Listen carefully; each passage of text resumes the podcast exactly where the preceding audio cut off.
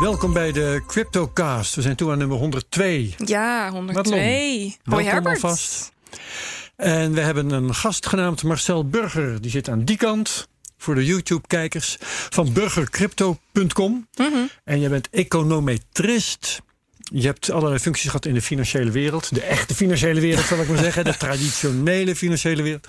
Risk management consultant ben je geweest, heb ik genoteerd. Institutioneel portefeuillemanager. Ik moet je bekennen dat ik geen flauw idee heb. Was het? gaan we straks nog even over hebben. Sure. Maar nu even bij wijze van introductie. En we gaan het hebben met name over plan B. Over de stukken die plan B heeft geschreven. eh, over het stock-to-flow model. Wat zo van invloed schijnt te zijn op de prijs van eh, Bitcoin. En vooral jouw onderzoek daarnaar. Want je hebt geprobeerd dat onderuit te halen en dat is mislukt. En jij gaat ons uitleggen wat je hebt geprobeerd, waarom het is mislukt en wat jouw conclusies daaruit zijn. Juist. Hè? Daar, eh, daarvoor ben je hier.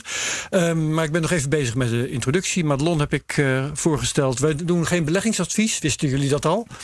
Daar op YouTube, want we zijn ook op YouTube. Oh. Wisten jullie dat al? Daar in de podcast. Nou ja, zo praten we tegen iedereen tegelijk. Wat wel leuk is om even te vertellen. Dat is een beetje nieuw. De herdenkingscoins zijn klaar. Die kunnen opgehaald worden. Ehm, zijn twee Volgens mij krijg, eh, krijg je daar ook nog een mail over. Als je dat geduld niet hebt, dan kun je gewoon naar lobster.co gaan. Lobster is L-O-B. str.co. En eh, Madelon krijgt daar nu al een foutmelding, dus dat begint goed. maar ik ben daar van de week nog geweest, dus vaak wer- werkt die wel. Ehm, er is ook een video, die zet ik in de show notes, die een soort instructie is van wat je dan moet doen. Maar in ieder geval, als je een account maakt op lobster.co. En nou Ja, ik wel, heb hem, hoor. Yes. Ja, dan als je daar een account maakt op het e-mailadres dat je aan ons hebt opgegeven voor je herdenkingscoin, dan moet je uiteindelijk terechtkomen bij een wallet die je dan zelf aanmaakt, waar die coin eh, al in zit, waar je die coin aantreft. Zo werkt het ongeveer. Ga het proberen. Eh, je kunt ook wachten op de mail die je van Lobster krijgt. Mooi zo, hoe gaat het met de CryptoCats? Het gaat fantastisch met de Ja. CryptoCat. Er zit, eh, het is wel heel grappig. eh, de vader en de moeder van de kleintjes, dat zijn eh, allebei kortharen. Maar er zit dus een lang haartje tussen. En blijkbaar kan dat. Het slaat de generatie Oh. over. Dus Nio is een lang haar. Ontzettend leuk. Dat begin je nu al te merken. Die pluizen. Nou, die, aan het begin dachten ze misschien is er iets vreemd met hem. Misschien Ja. is hij niet helemaal goed. Dat kan.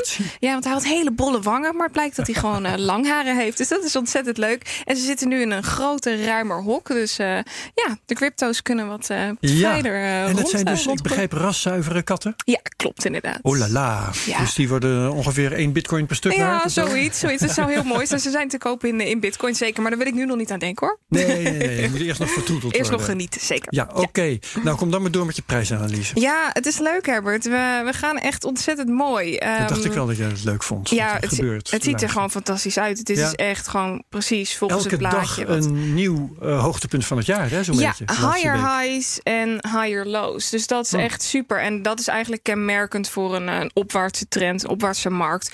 En dit eh, kan nog een hele poos zo doorgaan. Wel is het zo dat we even moeten letten op wat negatieve divergentie, die zowel op de 4 uursgrafiek zichtbaar is.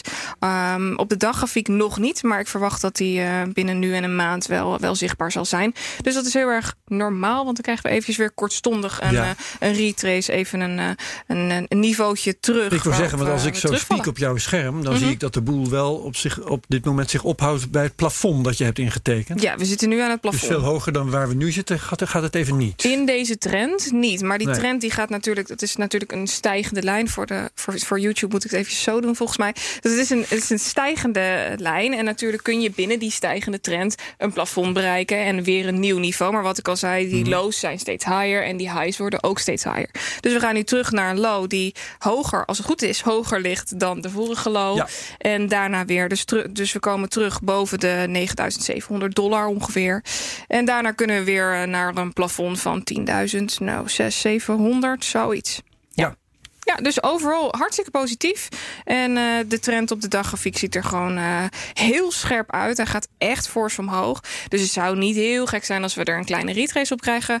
Maar eh, ik ben fantastisch blij hoe het, hoe het er nu voor staat. En Ja. ik kreeg ook wel wat, wat reacties op Twitter over het feit dat ik als trader heel positief ben, positief gestemd ben en blij ben Ja. dat die koers omhoog gaat. Maar ik moet ook wel heel eerlijk zeggen, Herbert, we hebben zo lang naar die neerwaartse trend gestaard dat ik Ja. bijna niet anders kan dan positief Eerst heel zijn. 2018 en daarna de helft van 2019. Het heeft echt lang ga je geduurd. niet in de koude kleren zitten. Nee, zeker niet. En ik ben inderdaad positief, maar dat betekent niet dat je als trader gewoon nog steeds je houdt aan je toolset. En op het moment dat er een bepaalde lijn doorbreekt, dat je gewoon verkoopt en weer verkoopt. Dat je, precies, dat je ook nog gewoon blij kunt zijn met een daling. Omdat Zeker. je daar ook wat mee kunt. Precies, absoluut. Omdat je Ja. dan je positie in Bitcoin weer kan vergroten. Dus ondanks dat mijn positiviteit zo groot is, betekent dat niet dat, dat mij een slechte trader maakt. Ja, dat wilde ik zeggen. Ja, oké, oké, we begrijpen het. Eh, maar hoe lang kan die opwaartse trend blijven duren? Heb je daar een Ehm, Schatting even kijken, ik een eventjes de, mening over? vier uur grafiek erbij pakken. Ja, die negatieve divergentie die ligt dus op de, leur- op de daggrafiek. Die is er nog niet. En het is heel lastig om dat in te schatten. Want die Hm. negatieve divergentie hebben we gezien eh, in 2019. En die hebben we dan eh, vanaf eh, april tot en met begin april tot en met eind april gezien. Vanaf mei tot en met eind mei. Vanaf begin juni tot en met eind juni ongeveer. En dat was een koersverschil van 4000 dollar naar 14.000 dollar. Dus je kan dat Ja, ja. best een hele lange periode volhouden. En nu zien we dat eh, eigenlijk ook opnieuw. Maar dit kan dus ook nog weer tot en met maart volhouden. Dan krijgen we weer een kleine setback. We hebben die negatieve divergentie trouwens ook al gezien rond eh, midden januari. Dus ehm, dat zijn echt de grotere retraces die we, die we zullen zien. Waarbij je bijvoorbeeld 2000 dollar terugval kan verwachten. Maar Mm. dat is iets wat ik nu niet zou verwachten. Als er een retrace komt, dan zouden we richting de 1000 of 10.000 dollar ongeveer terugvallen. En de vorige retrace die we zagen was ook eigenlijk niet meer dan gewoon wat negatieve divergentie. Dat hoort erbij. En Ja. dat is alleen maar goed. Dan komt eh, de markt op, op kracht. Hartstikke prima. Oké, Ja. mooi zo. Dankjewel. Ehm nou, dan gaan we naar het nieuws. En dan vraag ik het eerst maar eens aan Marcel, want we hebben jou nog niet, niet ge- gehoord eigenlijk. Wat is jouw nieuws van deze week? Ja, ik heb zelf eh, toevallig, eh, ik denk dat het eh, nou, over het weekend was, of het misschien begin deze week was, een bericht voorbij zien komen eh, dat er vanuit. Dat er vanuit de banken steeds meer interesse is eh, voor het eh, optuigen van crypto custody. En, Mhm. ja, het laatste nieuws wat ik daarover voorbij heb zien komen is dat er om en bij 40 banken, volgens mij met name in Duitsland, heel hard bezig zijn om, eh, ja, om crypto custody op te gaan zetten en aan te gaan bieden. En dat vind ik In zelf een. eh, Zwitserland is er al een bank die dat doet, geloof ik. Hè? ja, dat klopt. Eh, ik ben een bankfriek, was het volgens mij. Uit mijn jij het, hoofd. Ik weet niet precies Nee, hoe die bank heet, maar er is inderdaad een bank in Zwitserland die dat Ja. doet. En er zijn ook wat kleine private banks in Duitsland die het ook doen voor vermogende klanten. Juist. Ja, en, en het positieve daaraan vind ik dat er, eh, hè, dat er steeds meer infrastructuur eh, komt. eh, ook in de conventionele wereld. Om, eh, ja, om crypto mogelijk te maken. Denk je dat hier vraag naar is? Eh, ja, dat denk de ik wel. Ja, ja, ja. Ja, dat merk ik met name. nu. Ja, maar bij ik- een bank. Ik merk het met name eh, bij de wat, hè, met alle respect voor jou Herbert, voor de wat oudere mensen. Dus eh, laten we zeggen 40, 50 plus. Eh, die wat minder affiniteit hebben met alle techniek. eh, maar wel Ja. graag de exposure willen naar ja, deze opkomende assetklassen. En die zijn heel erg gebaat bij een, een stukje ja, veiligheid van de wereld die ze, die ze Herkenbaarheid. kennen. En herkenbaarheid inderdaad. Ja. Wat ik mezelf afvroeg, ik was hier een beetje over aan het filosoferen. En eigenlijk was ik met mezelf hierover aan het filosoferen. Niet dat ik in gesprek was of zo, maar ik was dus aan het denken. Stel nou dat een Duitse bank dit zou doen. Zodat het dan een vrij grote bank is. En ook in Duitsland hebben ze die negatieve rente die ze zullen moeten gaan doorvoeren op de lange termijn wellicht. Hoe zullen consumenten, klanten van die bank dan reageren? Want het eerste wat in mij op zou komen is als een bank negatieve rente zou rekenen, dan ga ik weg bij die bank of iets dergelijks. Ga ik richting Of de aandelenmarkt. Je spaarsaldo zo klein mogelijk. Precies, iets Ja. de- zoiets dergelijks. Eh, is het dan niet heel logisch dat, dan, dat ze eigenlijk de consument al richting cryptocurrencies en natuurlijk aandelen, goud en zilver, et cetera, die kant opjagen? Dat ze eigenlijk hun eigen ehm, ja, businessmodel een beetje kapot aan het maken zijn. Natuurlijk is het uitgeven van leningen de, de basis. Maar ja, het geld op de bank hebben staan, eh, dat is ontzettend belangrijk deel voor banken. Omdat ze dat weer kunnen uitlenen tussen aanhalingstekens. Verwacht jij dan dat er meer klanten zijn door die negatieve rente die mogelijk interesse zullen hebben in cryptovaluta bij een bank? Ik weet niet of het eh, direct zeg maar, leidt tot een, eh, tot een enorme toename in interesse voor crypto. Maar ik denk wel dat eh, het gaat leiden tot eh, ja, ja, tot een wat meer bewustwording van wat je nou met je spaargeld. eh, of tot de vraag wat je nou eigenlijk met je spaargeld aan moet. Ja. in, in dat negatieve ja, in, de, wereld waarin we Ja. negatieve rentes kennen. Ja, eh, aan de ene kant eh, ge- eh, gesteld dat mensen geïnteresseerd zijn in crypto, hè, of het worden op deze manier, dan is het klantvriendelijk, want dan bied je je klant iets wat hij wil. Juist. Ehm, voor banken eh, is het een beetje griezelig, want eh, het, het geeft ook, je, je opent een soort afvoerputje. Ja, Ja. Eh, tenzij je natuurlijk een verdienmodel kunt bouwen rond die crypto zelf. Ja. Eh, hoe zou dat eruit moeten zien voor een Nou, bank? wat je nu al ziet eh, bij de, eh, bij de, de, de, de custody-aanbieders eh, eh, uit, de, uit de nieuwe wereld, zullen we maar zeggen. eh, die rekenen eigenlijk allemaal een, eh, een percentage over, over de assets en de management. eh, dus eigenlijk over de assets die je in custody brengt. een bewaarfee, zeg maar. Ja, precies. Ja. En eh, ik denk dat dat het nieuwe eh, businessmodel gaat worden. Als het gaat zeg maar, om eh, hoe, hoe banken zouden kunnen verdienen aan het, eh, aan het wegzetten van crypto, eh, cryptocurrencies. Ja, nou ja. Ehm, durf jij een gok te doen? Wanneer gaat een Nederlandse bank crypto custody aanbieden? Nou, de Nederlandse bank zelf sowieso niet, Een denk Nederlandse ik. bank. Oh, een Nederlandse Ja, bank. een Nederlandse bank. Eh, nou, volgens mij zijn alle, zowel ING als ABN AMRO ook al bezig op dit vlak. Eh, ING sowieso al wat langer. en ABN, daar ken ik de exacte, ja, exacte details niet van. Eh, Rabo heeft er een keer expliciet van afgezien. ja, je hebt toen inderdaad de... Volgens mij was het de Wally, kan dat? Nee, dat, was nog wel dat een was of andere. Ja, was in eh, ontwikkeling. ABN. En toen zeiden ze toch maar niet. Rabobank had inderdaad die website toen opstaan en die was in één keer eh, als sneeuw voor de zon eh, verdwenen. Ja, dus het, het ligt nogal gevoelig momenteel nog steeds, Ja, denk precies, ik. dat En, is het. Mhm. eh, het is gewoon een kwestie van eh, gewenning, eh, eh, ook voor, voor, de, voor de grotere banken in Nederland. Ja. En wat je in Nederland sowieso merkt, is dat de, de markt gewoon vrij conservatief is ten aanzien van deze nieuwe assetklasse. Ja, Ja. Amerika en eh, Ja, en, en, en wat de spannende vraag is, misschien kun jij er iets van zeggen. Zaagt een bank nou aan de tak waar die zelf op zit als hij crypto gaat aanbieden? Ja, Of precies. zaagt hij al aan de tak waar hij zelf op zit als hij geen crypto gaat aanbieden? ja. Dat is een goeie. Ehm, als je gaat kijken naar wat een bank nu zou verdienen op grotere accounts. ehm, ja, ik kreeg van de week, volgens mij, of twee weken terug, een brief van, eh, eh, van de ABN AMRO. Waarin ze stelden dat er eh, ja, een, een negatieve rente gaat worden gegeven over bedragen van meer dan 2,5 miljoen aan Ja. spaargeld. Ik maak me dus nog geen zorgen. Ehm, dus stel je voor dat jij voor 2,5 miljoen aan, aan bitcoin zou willen parkeren. Ehm, en je, nou ja, je, houdt rekening zeg maar, met de bestaande eh, tarieven in de, in de nieuwe wereld. Die liggen volgens mij om en nabij datzelfde tarief ongeveer. Dus ehm, op het moment dat je eh, daar gebruik van zou maken, betaal je dus ook een, een half procent aan, eh. Aan fee. Ja. Eh, en die wordt op dit moment dus gegeven op je spaargeld door middel van een negatieve rente. En op het moment dat je crypto zou, eh, zou neerzetten, eh, zou je dus Dan heet het een anders. betalen. Maar Ja. heet het eigenlijk anders? Mhm. Ja. En leidt het eh, ja, in feite tot, het, tot dezelfde, ja, dezelfde omzet voor Ja. de bank. Ja, en de vraag is: kunnen ze die bitcoins dan ook daadwerkelijk weer uitlenen? Dus kunnen ze daar weer hypotheken ingeven? Want dat is natuurlijk een extra verdienmodel. Nou, dat is een hele goede vraag, denk ik. Ehm, en dat gaat zeg maar een beetje over het, het financiële, ja, de financialization van Bitcoin. Precies. Ehm, en ehm, dat is ook een van de, van de belangrijkste vraagstukken, denk ik, die op dit moment spelen in, eh, in de financiële markt eh, op het vlak van Bitcoin dan. Is eh, in hoeverre eh, banken in staat zijn, of, of andere aanbieders in staat zijn, om een soort van fractioneel bankieren te introduceren eh, op Bitcoin.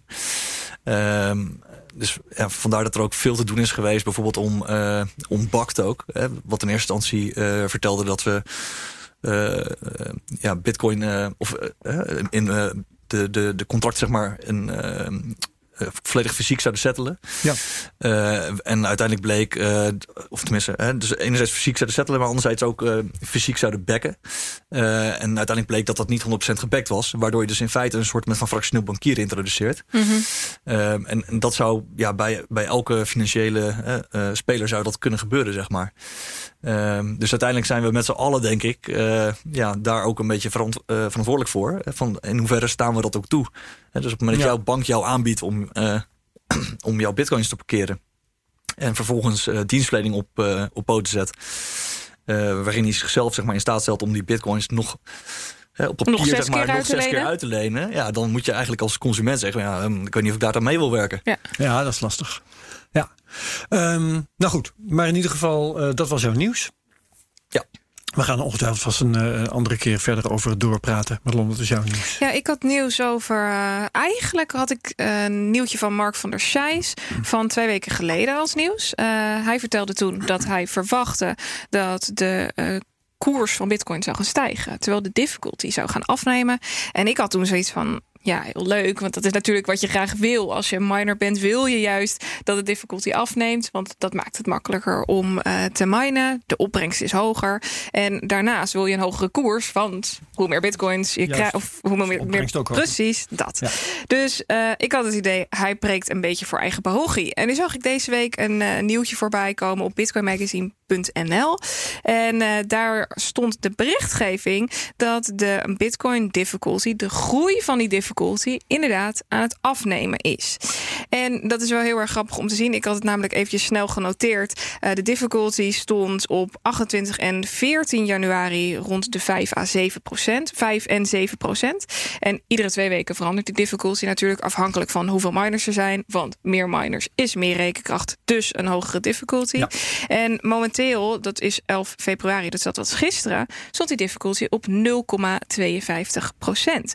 Dus die neemt af. Hij is nog steeds, wordt nog steeds niet minder, maar de groei neemt wel af. Dus dat is ontzettend interessant. En hier wordt gesteld dat het inderdaad komt door het coronavirus. En, um, Hoe zou dat dan werken? Nou, ik zal het je even uitleggen. Ja. Vanwege de epidemie in China is een deel van de miningindustrie uh, geraakt. En hier uh, heb ik een bericht voor me waarbij aangegeven werd dat zelfs fabrikanten van miners tijdelijk hun activiteiten stil moesten leggen. En dat is eigenlijk precies wat Mark van Zijs ook al zei, die nieuwe mining, mining gear, die uh, komt oh, niet op de plek ja. terecht waar we dat willen. Want die mensen die in die fabrieken werken, die blijven thuis. Die zitten in lockdown. Ja, dat heeft hij inderdaad gezegd. Dus dit is precies wat hij had verwacht. En het, het, het komt ook daadwerkelijk zo uit. En ondanks dat stijgt de koers. De koers stijgt. Uh, of dat met ja, die, dat virus te maken heeft, dat ja, durf ik eigenlijk niet zo goed te zeggen. Mm. Maar wat we dus wel zien is dat die difficulty afneemt. En dat is wel heel erg interessant. Of afneemt, dat de stijging afneemt. En ik ben benieuwd hoe lang het nog duurt voordat we gaan zien dat die difficulty echt afneemt. Wat dat betekent dat er dus ook minder uh, rekenkracht toegevoegd wordt aan het netwerk. En dus minder wordt gemined. Ja. Dat zou voor hem heel positief zijn. Maar de vraag is of dat in zijn algemeenheid positief is natuurlijk.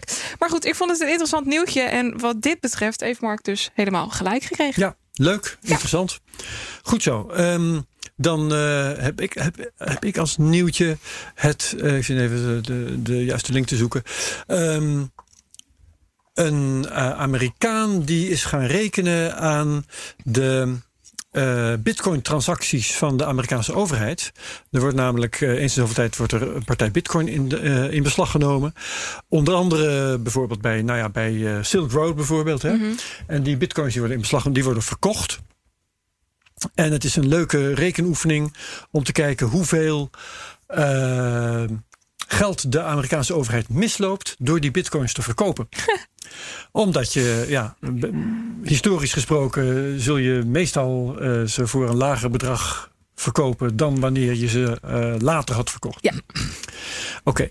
Okay. Um, mooiste voorbeeld is een partij van 50.000 bitcoins die uh, in maart 2015 is verkocht. Nog heel even voor mijn beeldvorming. Worden die bitcoins tegen de marktprijs verkocht of worden die goedkoper verkocht? Uh, soms zelfs iets duurder. Dat hangt er een beetje vanaf wat voor transacties. Ja, dat, okay. ja, er komen allerlei bedragen voorbij. Interessant. Ik heb ze niet in detail even kijken hoor. Um, ja, de winkelvosjes hebben ooit heel goedkoop ingekocht. Dat weet ik nog wel. Ja. En een grote bench. Maar uh, gemiddeld hebben ze de bitcoins verkocht voor uh, 8365. Hm? Halve bitcoins voor 4236. Kwart bitcoins voor 2426. Dus uh, ze zijn voordeliger per dozijn, zal ik ja. maar even zeggen. Als je dat zo uitrekent. Maar in ieder geval 50.000 bitcoins in maart 2015 leverde 13,5 miljoen op. Mm -hmm. Hadden ze dat nu gedaan, dan was het, reken maar uit, hè, maal ongeveer 10.000, dan was het 500 miljoen geweest. En op die manier staan ze dus, um, als je het over alle transacties die ze hebben verzameld uh, optelt, uh, staan ze 1,7 miljard in de min. Zo. Wat ze hadden incasseren als ze het vandaag hadden gedaan. Maar ja, ik snap wel maar... hoe dat werkt. De overheid speculeert niet. Nee, dat Hè, mag als- ook niet. Als de regels zeggen, je, je neemt in beslag en wat verbeurd is verklaard, wat, hè, wat de boef niet terugkrijgt, dat verkoop je, want dan moet gewoon geld in de schatkist opleveren. Mhm. Dan verkoop je dat. Of het nou een bitcoin is, of een auto of een huis. Je gaat het niet bewaren en hopen dat het meer waard wordt. Tenzij, heb ik toen ook weer gedacht, tenzij je gewoon erkent dat bitcoin geld is. Wat de Amerikaanse overheid niet doet, wat de Nederlandse overheid niet doet, wat misschien een enkele overheid wel doet, maar bijna geen enkele. Als je erkent dat bitcoin geld is, kun je het gewoon houden. Ja. Zoals je ook als Amerikaanse overheid euro's in eh, voorraad kunt houden. En als Europese overheid dollars kunt houden. Zijn er bepaalde regels eh, die in Amerika gelden hoe lang ze die bitcoins aan mogen houden? Daar ben ik niet van op de hoogte. Oké, ik weet wel dat het hier in Nederland zo is dat ze maar twee weken lang hier zouden mogen liggen en dan moeten ze verkocht worden. Ja. En ik heb van horen zeggen dat dat onder de marktprijs gebeurt. Maar ja, dan is ook nog Dat weer de vraag: als die bitcoins worden verkocht, eh, hoe lang duurt het dan voordat het weer een eh, schone transactie is? Want ze zijn natuurlijk afkomstig van een boef. Ja, Ja. althans, laten we daar maar van uitgaan. Maar goed, ehm, interessante berekening, Herbert. Ja. Wel, eh, wel zonde. Die hadden het Amerikaan beter aan kunnen houden. die dit doet, die heet eh, Lop, L-O-P-P, Jameson Lop. Mhm. En hij noemt zijn site de ehm Schadenfreude Tracker. Dus de leedvermaak tracker. Staat op GitHub trouwens om een of andere reden. Maar goed, dus eh, die zet ik in de show notes. Kun je lekker naar kijken. Leuk. Dat is eh, best wel leuk. Alright, terug naar het eh, draaiboek. Want. ehm, Oh ja, ik heb nog één opmerking. eh, want er was een vraag van Mathieu Paapst. Of ik nog bezig was met trading bots. Mhm. En eh, ik heb dat volgens mij hier ook wel gezegd. Ik ben daar een hele tijd geleden al mee opgehouden. Dat was in de hoos van voorjaar vorig jaar. Vorig jaar, vorig jaar. Nu moet je Ja. me even helpen. Nou, v- voorjaar vorig jaar. Dat was dus tussen maart en juli vorig jaar. Oké. Toen gingen de koersen zo hard omhoog. dat ik al snel merkte dat mijn tradingbot alleen maar verkocht. tot er niks meer was. En toen zat ik gewoon opbrengst te missen. Ja, Toen dacht ik dat moet hebben. koerswinst te missen. Ja. Dat, dat bedoel je eigenlijk. Want die marges Precies. pakt hij nog steeds. Nou, zolang er geen volatiliteit is, de koers alleen maar omhoog gaat. Ja. En nooit zo vaak omhoog gaat als de grenswaarde van de bot. Mhm. Sorry, als hij nooit zo vaak omlaag gaat als de grenswaarde van de bot, dan verkoopt hij nooit. Mhm. Ik zeg het verkeerd. Dan koopt hij niet. verkoopt hij niet. ja. Dus eh, als de koers structureel stijgt, dan ben je snel uitgepraat met je tradingbot. ja, zeker. Ja, toch? Dat is logisch. Had Boris ook voor gewaarschuwd trouwens. Mhm. Dus die Destijds. tradingbot conclusie werkt alleen in... Die werkt alleen bij volatiliteit. Niet als de koers omlaag dondert. Want Ja. dan koop je tot je klaar bent. Precies. Als de koers alleen maar omhoog gaat, dan eh, verkoop je tot je klaar bent. En dat is lastig. Dus toen dacht ik, ja, eh, ik zit eh, zelf te wachten tot de koers lekker omhoog gaat. Mhm. Maar als ik dan met een, met een tradingbot bezig ben, dan zit ik mezelf in de wielen te rijden. Ja. Klinkt als, ben ik gestopt. klinkt alsof je met een marketmaking bot eh, bezig was eigenlijk. Hè? Om, om gebruik te maken van Het was een bot die, volatiliteit die rondom de trend. volatiliteit. Ja, precies. Precies, Ja, ja. ja. Ja, Dus die zal daarna, daarna hebben we een tijd lang wel volatiliteit gezien. Zal, zal hij wel van alles gedaan hebben. En eh, ben ik op die manier wel iets misgelopen. Maar ik ben er dus mee gestopt. In een zijwaartse trend ideaal, maar eh, nu eh, Ja. helemaal niet. Precies. Dus dat moest ik nog even kwijt aan Mathieu Paapst. En iedereen die verder met die vraag zat, die tradingbots, daar ben ik mee gestopt. Ehm, we zijn bij Marcel. En wat we van iedereen altijd eerst willen weten... hoe ben jij met crypto in aanraking gekomen en wanneer? Ja, dat is een, eh, een mooi verhaal. Ehm, ik denk dat het voor mij eind 2016 was. Dus eh, ja, wat relatief wat later denk ik dan Laat, jullie ja. eh, Ja. erbij waren. Maar dat heeft alles te maken met het feit dat ik een specialist ben. En dus eigenlijk in mijn carrière altijd met een soort met van oogkleppen op achter mijn bureau zat, wil mijn werk te doen. Ehm, en eind 2016, eh, toen, ja, toen begon blockchain begon een beetje te, te buzzen, zeg maar. Mhm. En eh, daar waren best wel wat kritische geluiden over. Althans, bij mij op de werkvloer. En eh, in die tijd eh, werkte ik bij een grote financiële partij in Nederland. Een grote investment manager. Ja, wat ik al zei, er waren dus negatieve geluiden over, over, over bitcoin en over blockchain. En ja, ik ben nogal tegen draads ingesteld. Dus ik had zoiets van, ik wilde eigenlijk wel meer van weten. Ehm, en ik was met name geïnter- geïnteresseerd in, in hoeverre blockchain nou iets zou kunnen betekenen voor de asset management industrie. Eh, dus zodoende ben ik eigenlijk begonnen om mezelf enorm in te lezen. Ehm, dus ik heb eh, gigantisch veel tijd gespendeerd op Coursera. Dat zeg maar zo'n zo'n zo'n opleidingsplatform waarbij je college kan volgen online. video's. Ja, so, soort met van inderdaad, ja. En ehm, ja, dat, dat ging over cryptografie enerzijds. Dus echt over hè, de cryptografische kant van bitcoin. Ja. En ja, zoals, je, zoals iedereen dat mooi zegt ga je vanzelf uh, down the rabbit hole. Precies. En dat gebeurde bij mij eigenlijk ook. Uh, dus uh, ik denk dat het tweede, ja, begin 2017 was dat ik een beetje begon te spelen met, met de techniek zelf ook. voorzichtig de eerste stapjes, dus de eerste kleine investeringen doen. We waren met een groepje vrienden waren we vrij actief uh, op, uh, op WhatsApp uh, bezig om, om, ja, om met elkaar te bespreken hoe die markt nou in elkaar zit. zowel vanuit een marktperspectief als vanuit een technisch perspectief. En ik had toevallig een, een, goede, een goede vriend die nogal best wel wat kennis had van de scene, omdat hij een cryptografische achtergrond had. De scene, dus aanhalingstekens, ja, klinkt zo, zo leuk. Zo, wordt toch door iedereen wel gezien uh, als, een, ja, als een beetje een ongrijpbare nieuwe beweging. Mm -hmm. Althans, uh, zo zag ik het uh, destijds aan de kantlijn aan de ja, exact, exact. Ja, ja, ja. Um, dus zo ben ik er eigenlijk ingerold. Uh, nou, fast forward naar 2017, uh, of eind 2017.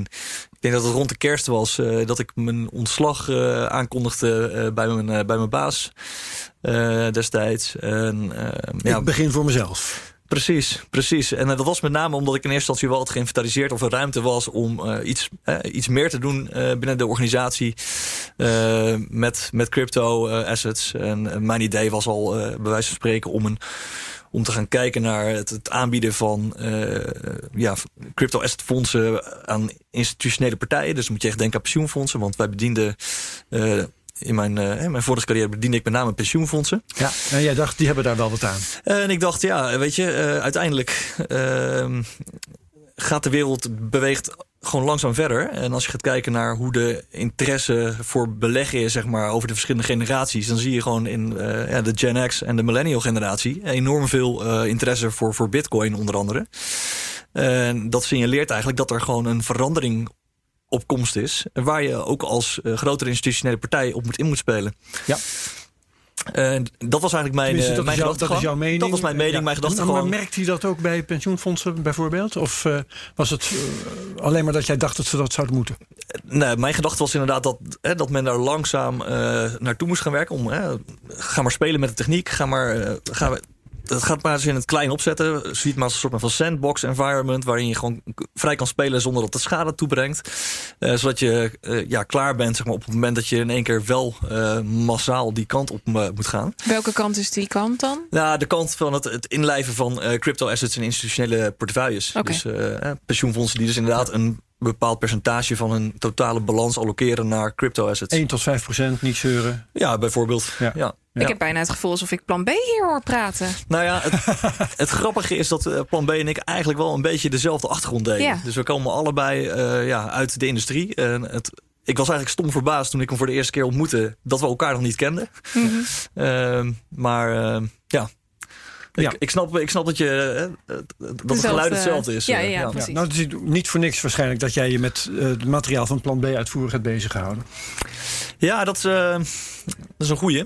Uh, ik, werd, ik werd eigenlijk getriggerd, zeg maar, in eerste instantie door, door, door zijn artikel. omdat ik het ja, een hele elegante benadering vond. Voor wie het niet weet, even samenvatten. Ja. Ik weet niet of er mensen nog zijn die hier nooit van hebben gehoord. Maar het, uh, het werk van Plan B gaat over het stock-to-flow model. Ja. Vergelijk met goud.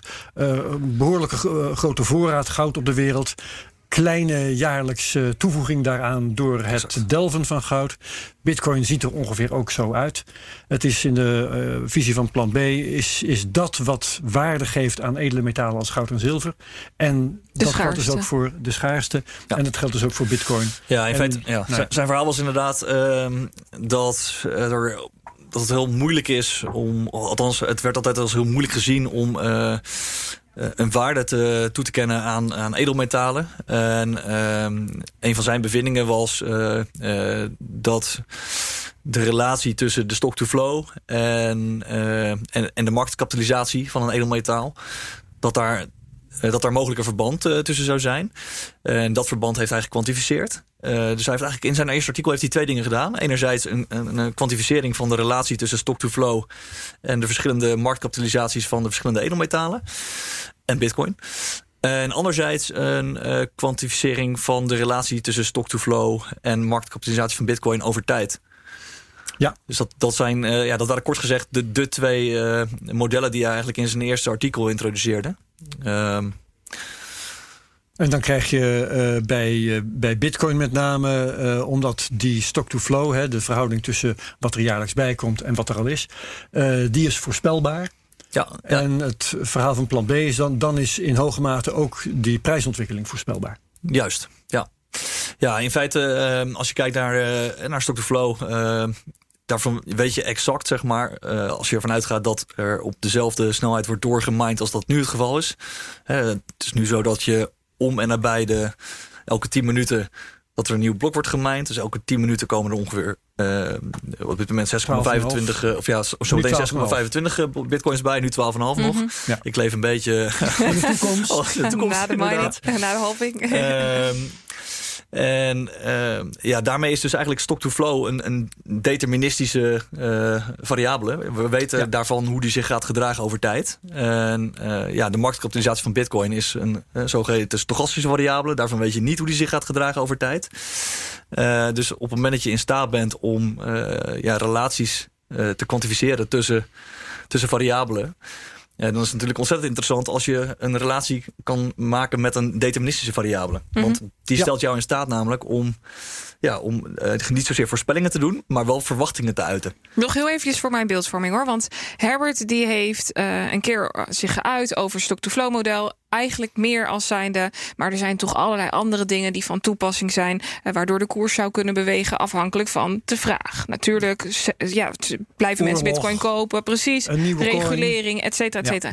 Ja, en toen is er op Twitter best wel. Nou, een beetje fel gereageerd. Ja. En uh, jullie hebben ook best wel een goed onderrondje gehad, volgens mij. Ja. Uh, ik neem aan dat jij ook behoorlijk, Marcel, uh, hier ingedoken bent en zoiets hebt gehad van, nou, dit kan bijna niet waar zijn, toch? Ja, ja exact. Het is heel grappig. Ik had, toen ik dus voor de eerste keer dat zijn artikel las, dacht van, wauw, dit is wel interessant. Ja. Maar tegelijkertijd ook van, hmm, ik ben benieuwd of dit nou allemaal wel kan kloppen. Want uh, ja, ik had toch wel een paar uh, zaken waar ik zelf op aansloeg. Dus enerzijds uh, was dat wat gebeurt er zeg maar in de extreme gevallen. ten tweede wat mij opviel was dat, ja, dat er werd geschermd met een correlatie of een correlatie een, een een R-squared van 0,95. Wat is dat, sorry? Ja, dat ja, is een goodness, goodness of fit measure. Zeg maar. Die geeft in feite aan hoe goed ja, daar kom ik zo nog op terug. Oh, uh, okay. Ik denk nou, dat het goed als, is ik dat, als, als, ik dat even mag samenvatten. Ja. Uh, als je een, een, een wolk meet, want ik kom uit de natuurkunde, mm -hmm. als je een wolk meetpunten hebt waar je denkt van nou, misschien is hier gewoon een lineair verband, hè, ja. waar je een echte lijn doorheen kan trekken. Lineaire regressie. Ja, dan kun je uh, bij een poging om zo'n lijn te trekken, kun je gaan meten hoeveel al die puntjes van die rechte lijn af okay. liggen. En dat bij elkaar optellen krijg je een maat voor hoe goed die rechte lijn past bij jouw wolk met puntjes. Oké, okay, want die puntjes die zitten vaak overal en nergens. Boven en onder. En Precies. je probeert die rechte lijn natuurlijk keurig tussendoor te trekken. Ja. En dan is er een techniek om ervoor te zorgen dat de gezamenlijke afstand van al die puntjes tot die lijn, dat die minimaal wordt. Dus dat je zoekt naar de lijn die de kleinste gezamenlijke afstand oplevert. Dus de beste op de, die het beste past. Daarom roepen ze dan in de, in de wiskunde statistiek roepen ze best fit en zo. Okay. Ja. En die R squared, R kwadraat, mm -hmm. ja, die is, uh, is, is die maat. Ja. Hè? Is dat okay. getal ja. voor hoe goed die lijn past. Mm -hmm. Ja.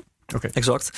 Dus ja, dat, hè, dat, dat, waren, dat waren twee uh, belangrijke uh, punten waar ik op aansloeg. Dus enerzijds die R squared van 0,95. Anderzijds uh, uh, 0,95 gevallen. Uh, wat, wat houdt het dan in? 0,5 ja, betekent dat hij heel dus, goed. Ja, dus als je 100% hebt, dan wil dat zeggen dat eigenlijk al die puntjes die je hebt, dat die allemaal op die lijn liggen. Dus 0,95 is ontzettend. Dat is hoog. hoog. Ja, okay. dat is absoluut. Uh, dat, is, dat is enorm hoog.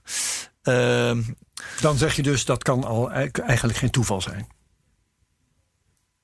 Ik bedoel dus, het model klopt. De, Uh, ja, dat is wel zeg maar uh, zoals het door heel veel mensen wordt gepercipieerd. Uh, ja. En dat, dat was ook in mijn ogen in die tijd een van de gevaren zeg maar, van de manier waarop het werd gepresenteerd. Mm -hmm. want, ook iets van te mooi om waar te zijn. Juist, juist. Ja. Dus ik heb het ook wel met oud-studiegenoten heb ik het er ook over gehad. Van hey, jongens, hebben jullie dit model voorbij zien komen? Ik zei ja.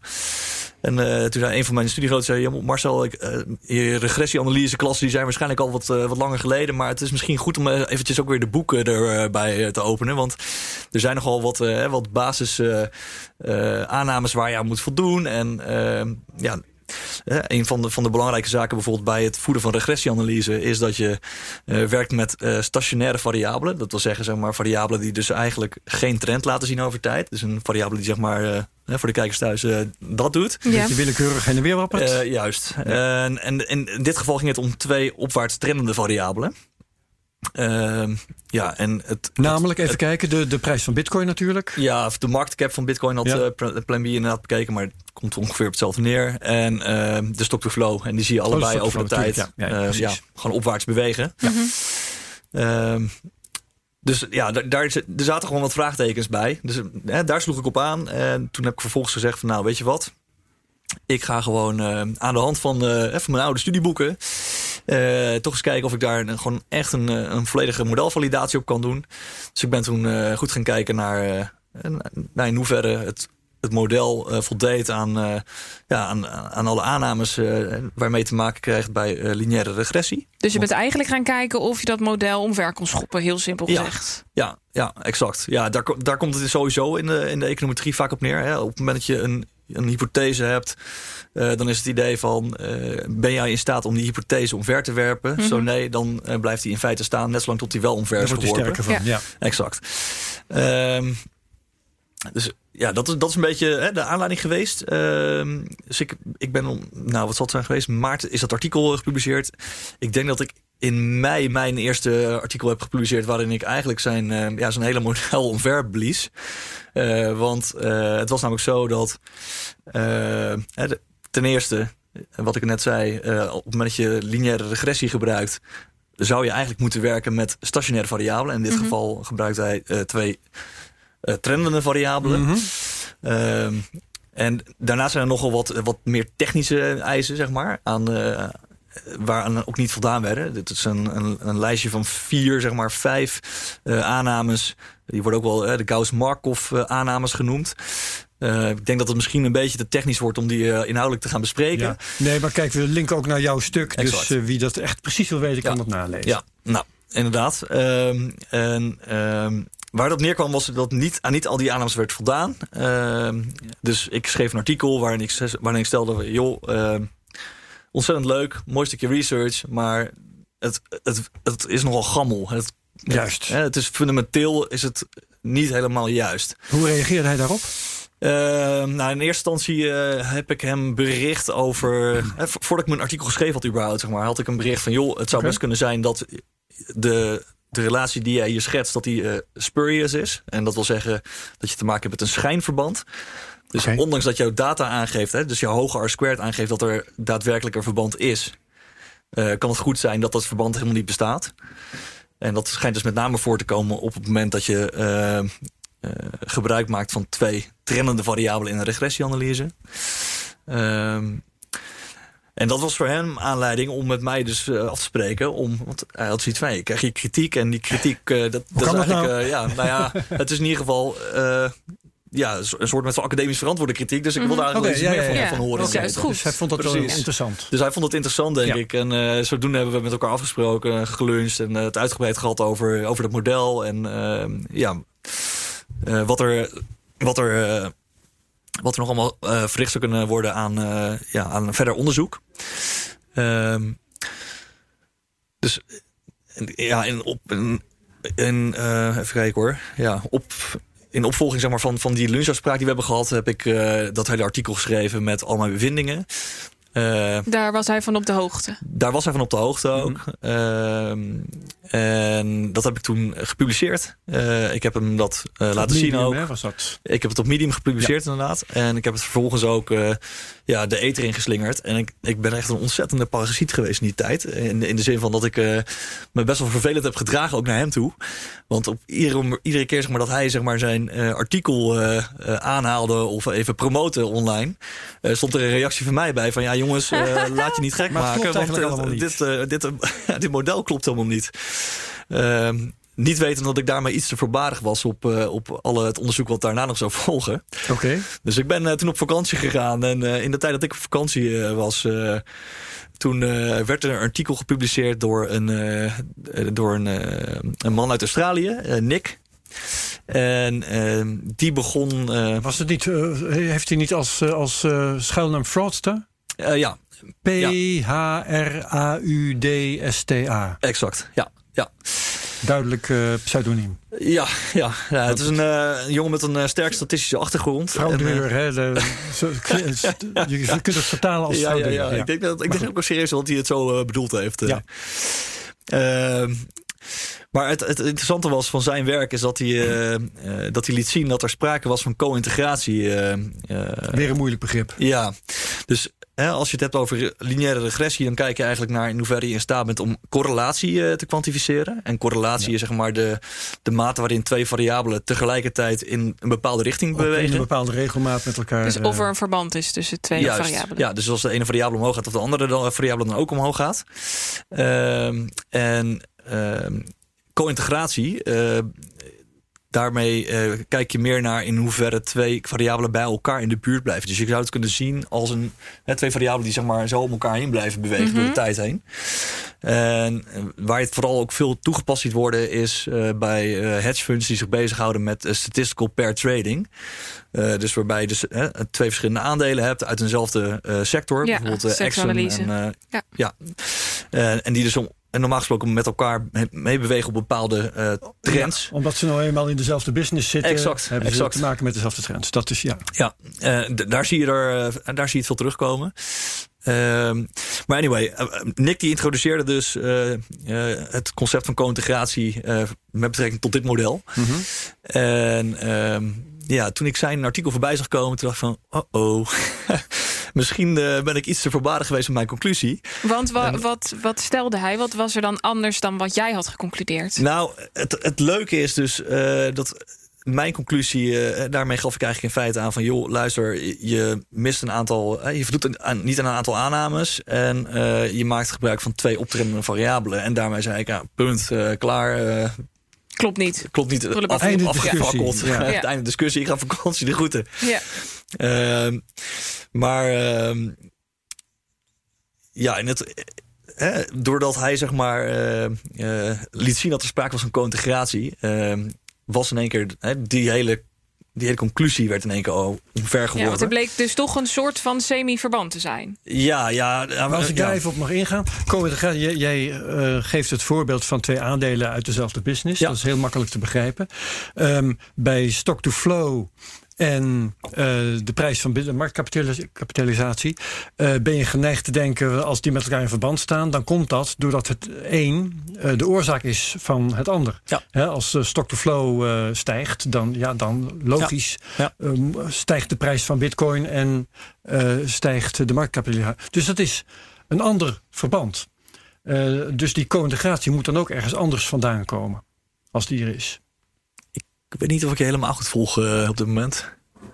Als je co-integratie hebt met, met uh, twee aandelen, dan ja. Uh, ja, drijven ze mee met dezelfde zin. Dus niet ja. de een de oorzaak van de ander. Nee, ze delen inderdaad als, een, gezamenlijke stochastische drift, zoals dat dan ja, in de dan, statistiek wordt zijn onderhevig aan dezelfde oorzaken bijvoorbeeld. Nou, bij bitcoin de, de stock-to-flow aan de ene kant en de marktkapitalisatie aan de andere kant. Oh, is het uh, oorzaak ja, gevolg? Ik zou, ja, zou het anders moeten werken. Tijd, uh, bedoel en, als er dan, ja, en als er dan co-integratie is, waar komt die dan vandaan, is mijn vraag ja. eigenlijk.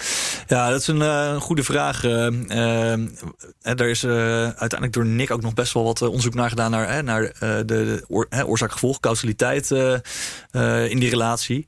En uit dat onderzoek is ook gebleken dat de stock-to-flow meer invloed heeft zeg maar, op de prijs dan andersom.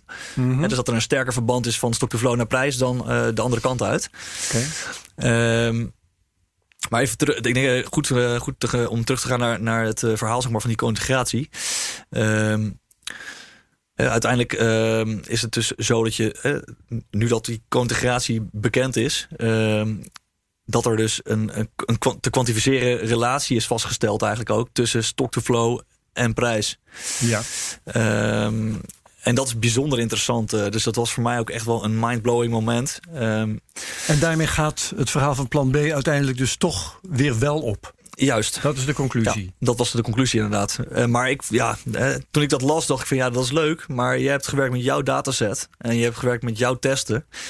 En ehm, Toen ging jij je huiswerk over. nou ja, ik had zoiets van ja, eh, het zou zomaar kunnen zijn dat jij gewoon hebt zitten cherrypicken in de data. ehm, en in de, eh, in de verschillende eh, testen die je kan gebruiken om die co-integratie vast te stellen.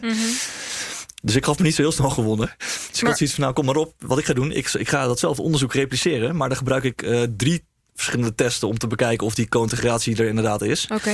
En ik gebruik mijn eigen dataset, zodat ik zeker weet dat er niet gesjoemeld is ergens met de data. Ondanks dat hè, Nick ook eh, eh, ja, onafhankelijk was. Maar dat kon ik natuurlijk ook niet vaststellen dat dat zo was. Ja. Eh, en er gebeurt natuurlijk in de, in de, de cryptowereld gebeurt er genoeg met zogenaamde sock puppet accounts. Dat mensen Ja. zeg maar eh, ja, doen alsof ze een ander zijn en eh, op die Mhm. manier hun eigen werk eh, zitten op te hemelen. Dus ik had zoiets van, nou, ik, wilde, ik wilde gewoon zeker weten dat, dat, dat die conclusie terecht was. Dus ik heb inderdaad op drie verschillende manieren die co-integratie getest. En eh, ja, toen kwam ik er uiteindelijk achter dat die er dus inderdaad bestond. En eh, dat, ja, dat heeft natuurlijk enorme gevolgen voor mijn conclusies. Dus Ja. ben Waarom echt, eh, heeft dat zulke gevolgen voor jouw conclusie? Want eigenlijk had jij al gezegd, nou dit en dit en dit en dit klopt Juist. allemaal niet. Dus Ja. mag de prullenbak in. Maar doordat er co-integratie is, doordat Nick dat geconcludeerd heeft en jij daarna ook nog, kan het Ja. ineens wel? Dat snap ja, ik even niet. Nee, dat was eh, voor mij ook een, eh, een, ja, een lastig moment. Eh, Mhm. in die zin van dat als je kijkt naar de econometrische tekstboeken, zeg maar, dan, dan zijn zeg maar, de eerste paar hoofdstukken gaan over het algemeen over lineaire regressie en Ja. multivariate regressie. Nou, allerlei soorten vormen van regressie. En dan zeg maar, naarmate je verder het boek inkomt, eh zijn er wat uitzonderlijke gevallen. En ik geloof dat het in mijn geval in, om hoofdstuk 9 ging in mijn boek. en daarin kwam co-integratie in één keer naar voren. Ehm, als een uitzonderlijke situatie. eh, en ehm, ja, ik, ik heb daar in eerste instantie in mijn eerste, in mijn eerste onderzoek helemaal niet naar gekeken. Ook niet gecheckt, zeg maar, eh, eh, in hoeverre dat mogelijk ter sprake zou kunnen zijn. Ja.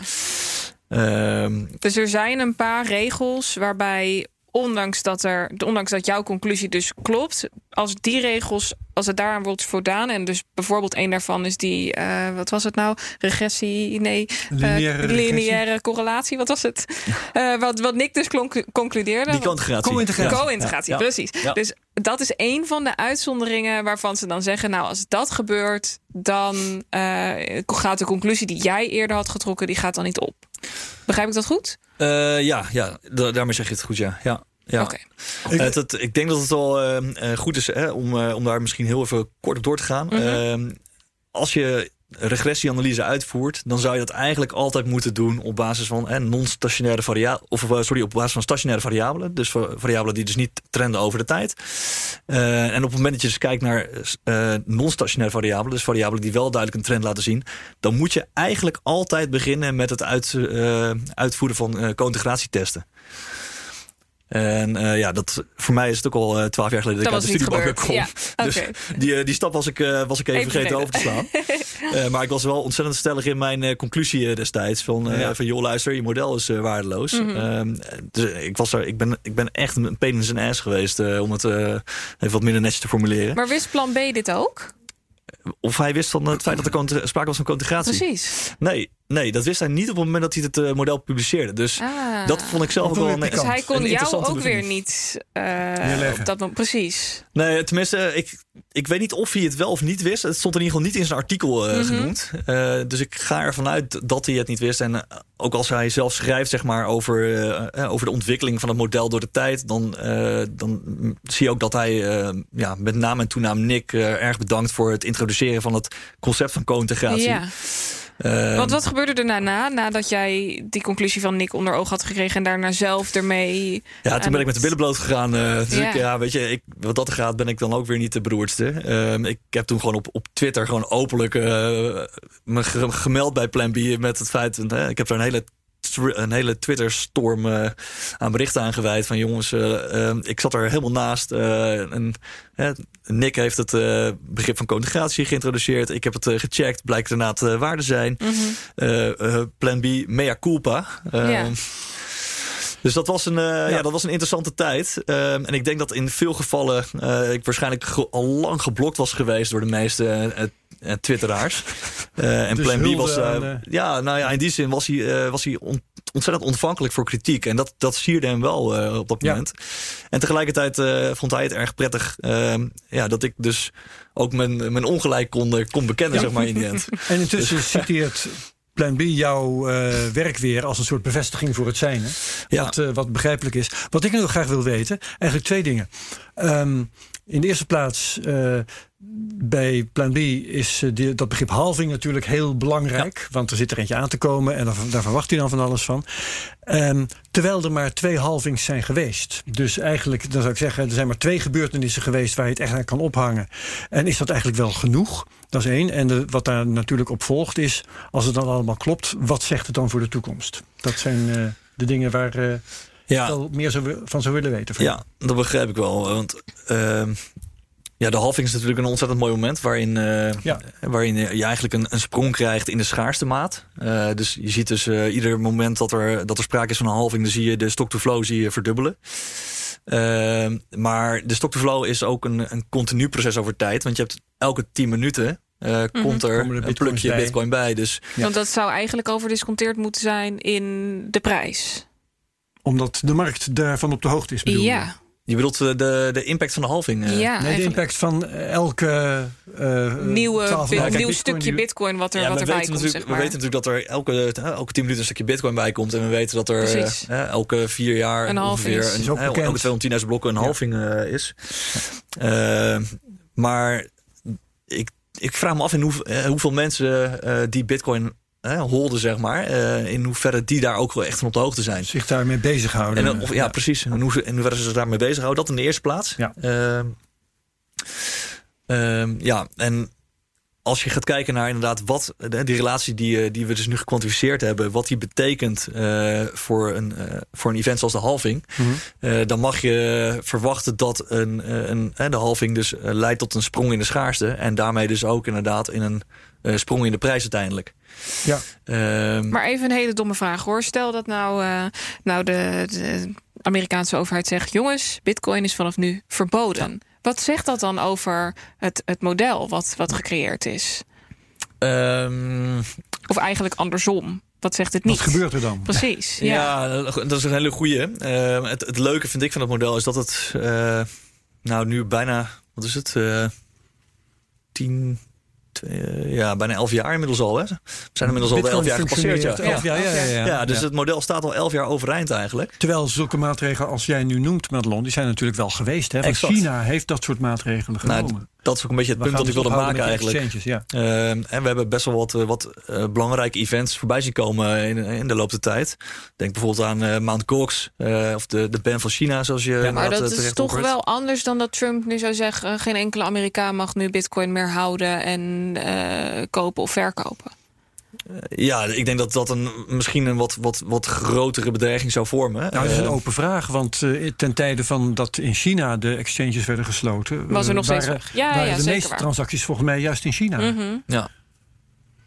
Dus, maar, dus kun je daaruit concluderen, om dan de, die vraag van, eh, van Madelon aan te passen, dat het model en het, de manier waarop Bitcoin eh, met, eh, met eh, het, het model en met de werkelijkheid omgaat, dat het daartegen bestand is? Ja, ongeacht van de macro-economische factoren ja. die daar omheen Ja. plaatsvinden. Ja, ehm, het model is ontzettend robuust. En eh, naarmate zeg maar, die conjugatie stand houdt, wordt het ook alleen maar robuuster eh, door de tijd heen. Is Eh, elf jaar, is dat veel in, in, in omvang als je kijkt naar een normaal plaatje volgens het boek, zeg maar? Nou, elf jaar is natuurlijk een ontzettend korte geschiedenis. Mhm. Daar kunnen we het zo, zo wel eens over zijn, denk ik. Ehm, maar om even de vraag te beantwoorden. Ik denk dat, eh, als je gaat kijken naar hè, op, op welke manier zeg maar, het model uh, zou kunnen ploffen, uh, dan heb je te maken met echt extreme events die er die gepaard zullen gaan met, met langdurige ja, extreme prijzen, zowel aan de bovenkant als aan de onderkant. Dus op het moment dat je prijzen zou krijgen van, laten we zeggen, nu binnen dit jaar bijvoorbeeld van, van een miljoen dollar per bitcoin, dan breekt het model waarschijnlijk. En, maar dat geldt aan de andere kant ook. Hè? Dus op het moment dat de prijs zeg maar, richting de paar honderd dollar terugvalt, ja. dan breekt het model ook. Maar niet zeg maar, op het moment dat we die prijs voor één dag zien staan, maar wel als die voor langere tijd er staat. Dus het model werkt tot het tegendeel bewezen is. Ja, en ja, zo geldt het eigenlijk altijd al. Ja. Ja. ja. En, en, even heel simpel gezegd, uh, jij geeft dus aan, dit model functioneert gewoon goed. Anticipeer je daar zelf op? Uh, nou, in die zin vind ik het wel interessant om er uh, bijvoorbeeld uh, ja, indicatoren omheen te gebruiken. Dus mm -hmm. dat je gaat bekijken, oké, okay, wat zou de, volgens het model de theoretische modelprijs moeten zijn nu? en in hoeverre wijken we daarvan af? Uh, dus in die zin zou je het kunnen gebruiken als een, uh, als, als een extra uh, statistische indicator die je bijvoorbeeld in de technische analyse veel terugvindt. Hey, volgens mij werk je zelf veel met, met, met RSI, ja, met de divergentie. Ja.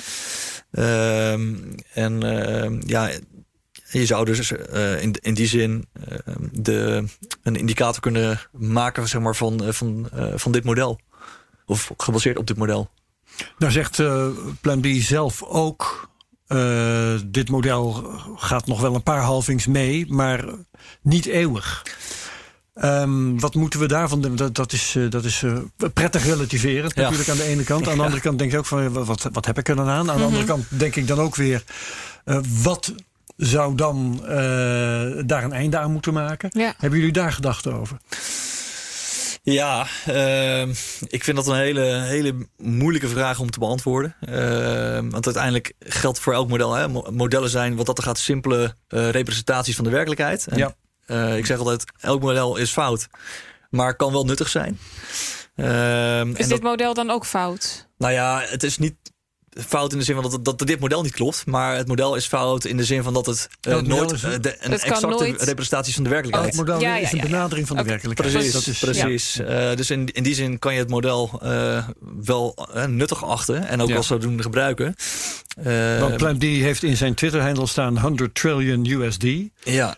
dat, dat heeft een dubbele betekenis, geloof ik. Maar een van de betekenissen is toch dat op termijn, ergens aan het eind van zijn grafieken, dat er een bitcoin-waarde schemert van 100 triljoen uh, dollar. Dus dat is in uh, normaal uh, Nederlands is dat 100 biljoen dollars in, in Europese getalletjes. Maar goed, in elk miljard. 100, is miljard, toch? 100 miljard.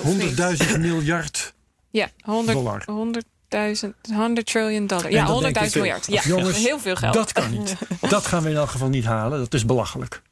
Ja, of niet? Ja, uh, uiteindelijk, uiteindelijk geldt voor, uh, voor, voor de markten uh, dat uiteindelijk de prijs wordt bepaald door wat de gekker voor geeft. Ja, ehm, en ik, ik denk dat het ontzettend moeilijk is om überhaupt te beseffen waar we over tien jaar staan met, voor wat betreft Bitcoin. Ja. qua prijs dan.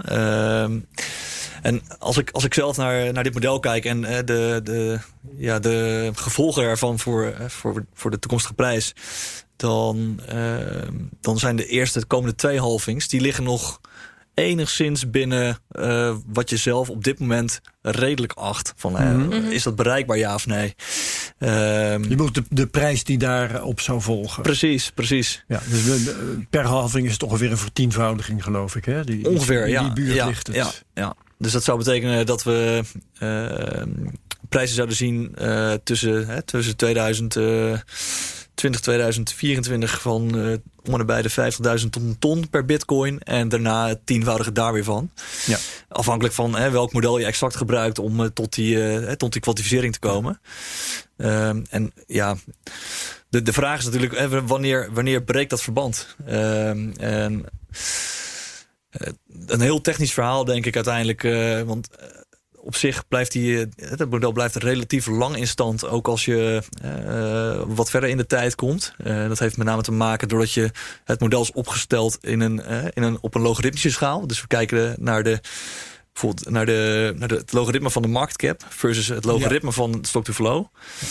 En als je die dan weer naar. Dus dat, je, dat je naar verdubbelingen kijkt en vertienvoudigingen. Ja. Dat die, uh, dat de afstand die van 1 tot 10 net zo groot exact, Maar dat betekent dus ook voor de ruis die je binnen het model tolereert. Uh, dat die, die ruis is op de logaritmische schaal. En uiteindelijk kom je, komt die ruis komt dus ook op de normale schaal terecht als je die gaat vertalen. En uh, ondanks dat die ruis op de logaritmische schaal tot nu toe is afgenomen alleen maar. Dus dat wil zeggen dat dat model eigenlijk steeds nauwkeuriger is gebleken. Ja, dat uh, kwam ik van de week ook tegen. Uh, is het zo dat het op de absolute, hè, op de normale schaal, zeg maar. Ja, het, het dat, is immens. Dat het immens is, precies. Ja, precies. Tussen de 70.000 en de 240.000, dat vind ik nogal een verschil. Ja, ja en als je kijkt naar, naar bijvoorbeeld de, de, de bandbreedte die, uh, die je kan hanteren zonder dat het model breekt, zeg maar, voor de komende vier, uh, vier jaar. Dan, en, dan gebruiken we de, de, het zogenaamde 95% uh, en het 5% kwantiel. Dat wil zeggen, zeg maar, de, het bandbreedte waartussen de exact, de bandbreedte waartussen die, uh, waartussen die, uh, in de, ja. grafieken van Plan B zie je... denken dat ik op YouTube ook. In de grafieken van Plan B zie je uh, een soort trap.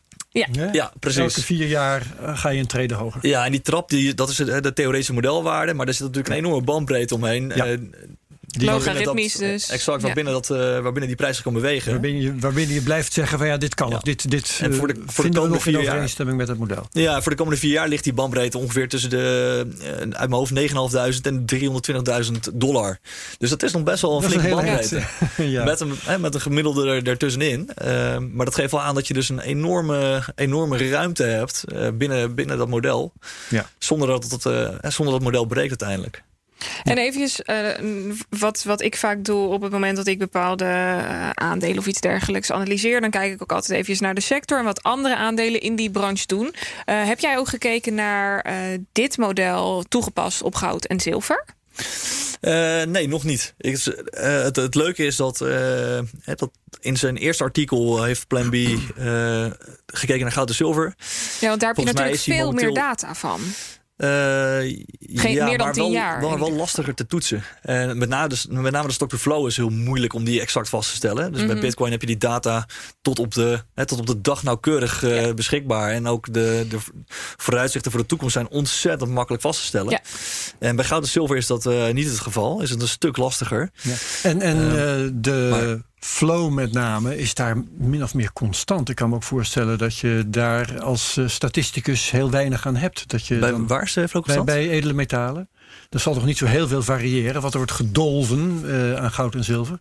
Nou ja, dat hangt Oeh. af van, van heel veel verschillende factoren. Dat kan Dat van, ook, ook, ja. al van het klimaat afhankelijk zijn, bij wijze van spreken. Als er een mijn onderloopt of iets dergelijks. Ja, maar goed, het is dan één mijn, weet je. Dat, uh, Oké, goed. In Maar, ieder geval lastig, maar, maar Ja. ehm, wat er, hè, waar je met name naar heeft gekeken, is niet zozeer in hoeverre eh, goud en zilver door de tijd heen hè, die, die relatie laten zien. Ehm, maar wel eh, hoe goud en zilver, en, en op dit moment is je bezig met andere commodities, eh, hoe die zich verhouden tot, eh, tot bitcoin op dat, op dat vlak, zeg maar. Dus de stock-to-flow ratio met de marktcap eh, van goud en zilver hoe die zich verhouden tot, de, hè, tot het verband dat we zien tussen de stock to flow en de marktcap van Bitcoin. En dan zie je dus daar dat al die commodities, dat die ook allemaal zo op een bepaalde lijn liggen. En dat vond ik een eh, hele interessante. Maar tegelijkertijd eh, vind ik daarbij op dit moment nog dat we te weinig datapunten hebben. Want oh, ja, eh, in zijn eerste artikel eh, waar, ging het om goud, zilver en Bitcoin. Ja. Ja, eh, een punt trekken of een lijn trekken door drie punten, dat is. dat lukt altijd wel. dat- ja, door twee punten lukt het altijd. Bij drie wordt het net iets moeilijker. Maar, ehm, dus mijn, mijn, een van mijn kritiek op dat deel van zijn artikel was ook van... joh, zorg ervoor dat je wat meer eh, commodities hebt... om, om ook die theorie Ja. wat meer te onderbouwen. Want daarmee zou die wat meer body krijgen. En volgens mij is hij daar op dit moment ook mee bezig... met de auteur van de Bitcoin Standard. Dus, Ah. Severin Namus. Ja. Goed. Dus wat dat betreft uh, zijn we ook, le- leven we ook in een wereld van, van voortschrijdend inzicht. Er wordt Absoluut, nog steeds absoluut. uh, nieuwe research gedaan en uh, Ja, ja, want dat, daar gaan we nog meer van horen. Ja, exact. Eh, Kijk, het, het- we hebben het uitgebreid gehad, denk ik, over lineaire regressie en over co-integratie. En Mhm. ehm, Ja, ik, ik denk dat er nog heel wat research gaat volgen op dit, uh, op dit vlak. Uh, Ga jij zelf ook verder? Uh... Ja, zeker. Okay. Ja, ja, dat is ook wel leuk. Ik ben, en met name ook omdat het best wel... ik, ik merk gewoon dat het... Ik vind het zelf wel bijzonder lastig om het nu zo on-air uit te leggen hoe het allemaal in elkaar steekt. Uh, en ik ben denk ik zelf ook beter op schrift dan, uh, dan, eh, dan in jouw, gesprekken. Jouw stukken zijn zeer leesbaar, kan ik getuigen. Ja, dus, en, moet dus, iedereen ook even doen. Dus ik heb besloten om een, om een boek te gaan schrijven over... ja, ik heb het zelf Bitcoinometrics genoemd. Dus zeg maar de econometrie toegepast op Bitcoin data. En je hebt er ook een site bij gemaakt. Ja, die nu ja, alvast. Die exact. zo heet bitcoinometrics.io, als ik me niet vergis. Dat klopt, ja. ja. Ja. Show notes. Dus daar kan, daar kan iedereen de, het, het, spoor volgen van de artikelen die zijn geschreven ja. omtrent het stock-to-flow model. En dat maakt ook het hele verhaal ontzettend duidelijk. Ja, en het is dus mijn, uh, mijn intentie is om die materie, zeg maar, die complexe materie waarop die artikelen gebaseerd zijn, om die zo helder mogelijk uh, ja, uh, bij een groot publiek neer te leggen, zodat iedereen het ook kan begrijpen. Want mm -hmm. ja, het is laten we wel wezen, econometrie is een ontzettende nerdenstudie. En uh, ja. het is. Ja, oh ja, joh. het, is, uh, het is niet uh, ja, de meest makkelijke materie. Ja. Um, Wat ik dan wel dus spannend, een spannende vraag vind: gaat jouw boek klaar zijn voor de komende halving? Oeh. Ja, dat, dat zou ontzettend mooi zijn als dat zou lukken. Maar nou, misschien mij... moet je juist wachten en de effecten nog even meenemen. ja. Data. Nee, ik, ik, data. Denk, ik denk dat ik, ja, ik ben nu aan het richten op uh, mei, juni ongeveer. Uh, ja. Maar het is voor mij ook de eerste keer dat ik een boek schrijf. Uh, dus ja, ik loop tegen allerlei onverwachte uh, drempeltjes aan natuurlijk. En, uh, ja, zoals hoe krijg je die letters op papier? ja, ja, een schrijversblok, ja. ja. En jij hebt volgens mij ook een boek geschreven, Gerbert, of niet? Uh, ja, wel, meer dan één ook wel, maar niet allemaal over bitcoin. ja, dus misschien moeten we daar na de uitzending nog even met elkaar over, dat, spreken. Wat gaan tips, tips uitwisselen. Hoe vind ik een uitgever? En als ik die niet vind, hoe krijg ik dan toch dat boek de wereld in? Ja, precies. Er zijn allemaal manieren voor. Maar die horen niet bij het bestek van, van een CryptoCast. Mm -mm. Nee. We gaan het hierbij laten. Dankjewel voor je uiteenzetting. Graag gedaan. En, uh, ik denk dat tegen de tijd dat jouw boek klaar is, dat er waarschijnlijk ook weer veel meer bekend is. En dat we je gewoon nog een keertje hier vragen. Leuk. Dankjewel, Marcel Burger, um, econometrist. En nog veel meer. Uh, burgercrypto.com. Uh, even kijken, wat gaan we nog uh, vertellen over. Ja, we hebben natuurlijk iTunes een review achterlaten. Precies, en ons noemen op Twitter als je citeert uit de CryptoCast. Niet je... vergeten te abonneren op YouTube. Ja, en wat doen we volgende week? Dat weten we nog niet. Nee, dat blijft volgende, nog even geheim. Volgende week blijft nog even geheim. Goed. Nou, dan uh, wensen we iedereen uh, uh, fijn verteren van deze ja. stevige kost. Zo, dat is wel nodig hoor. Goed.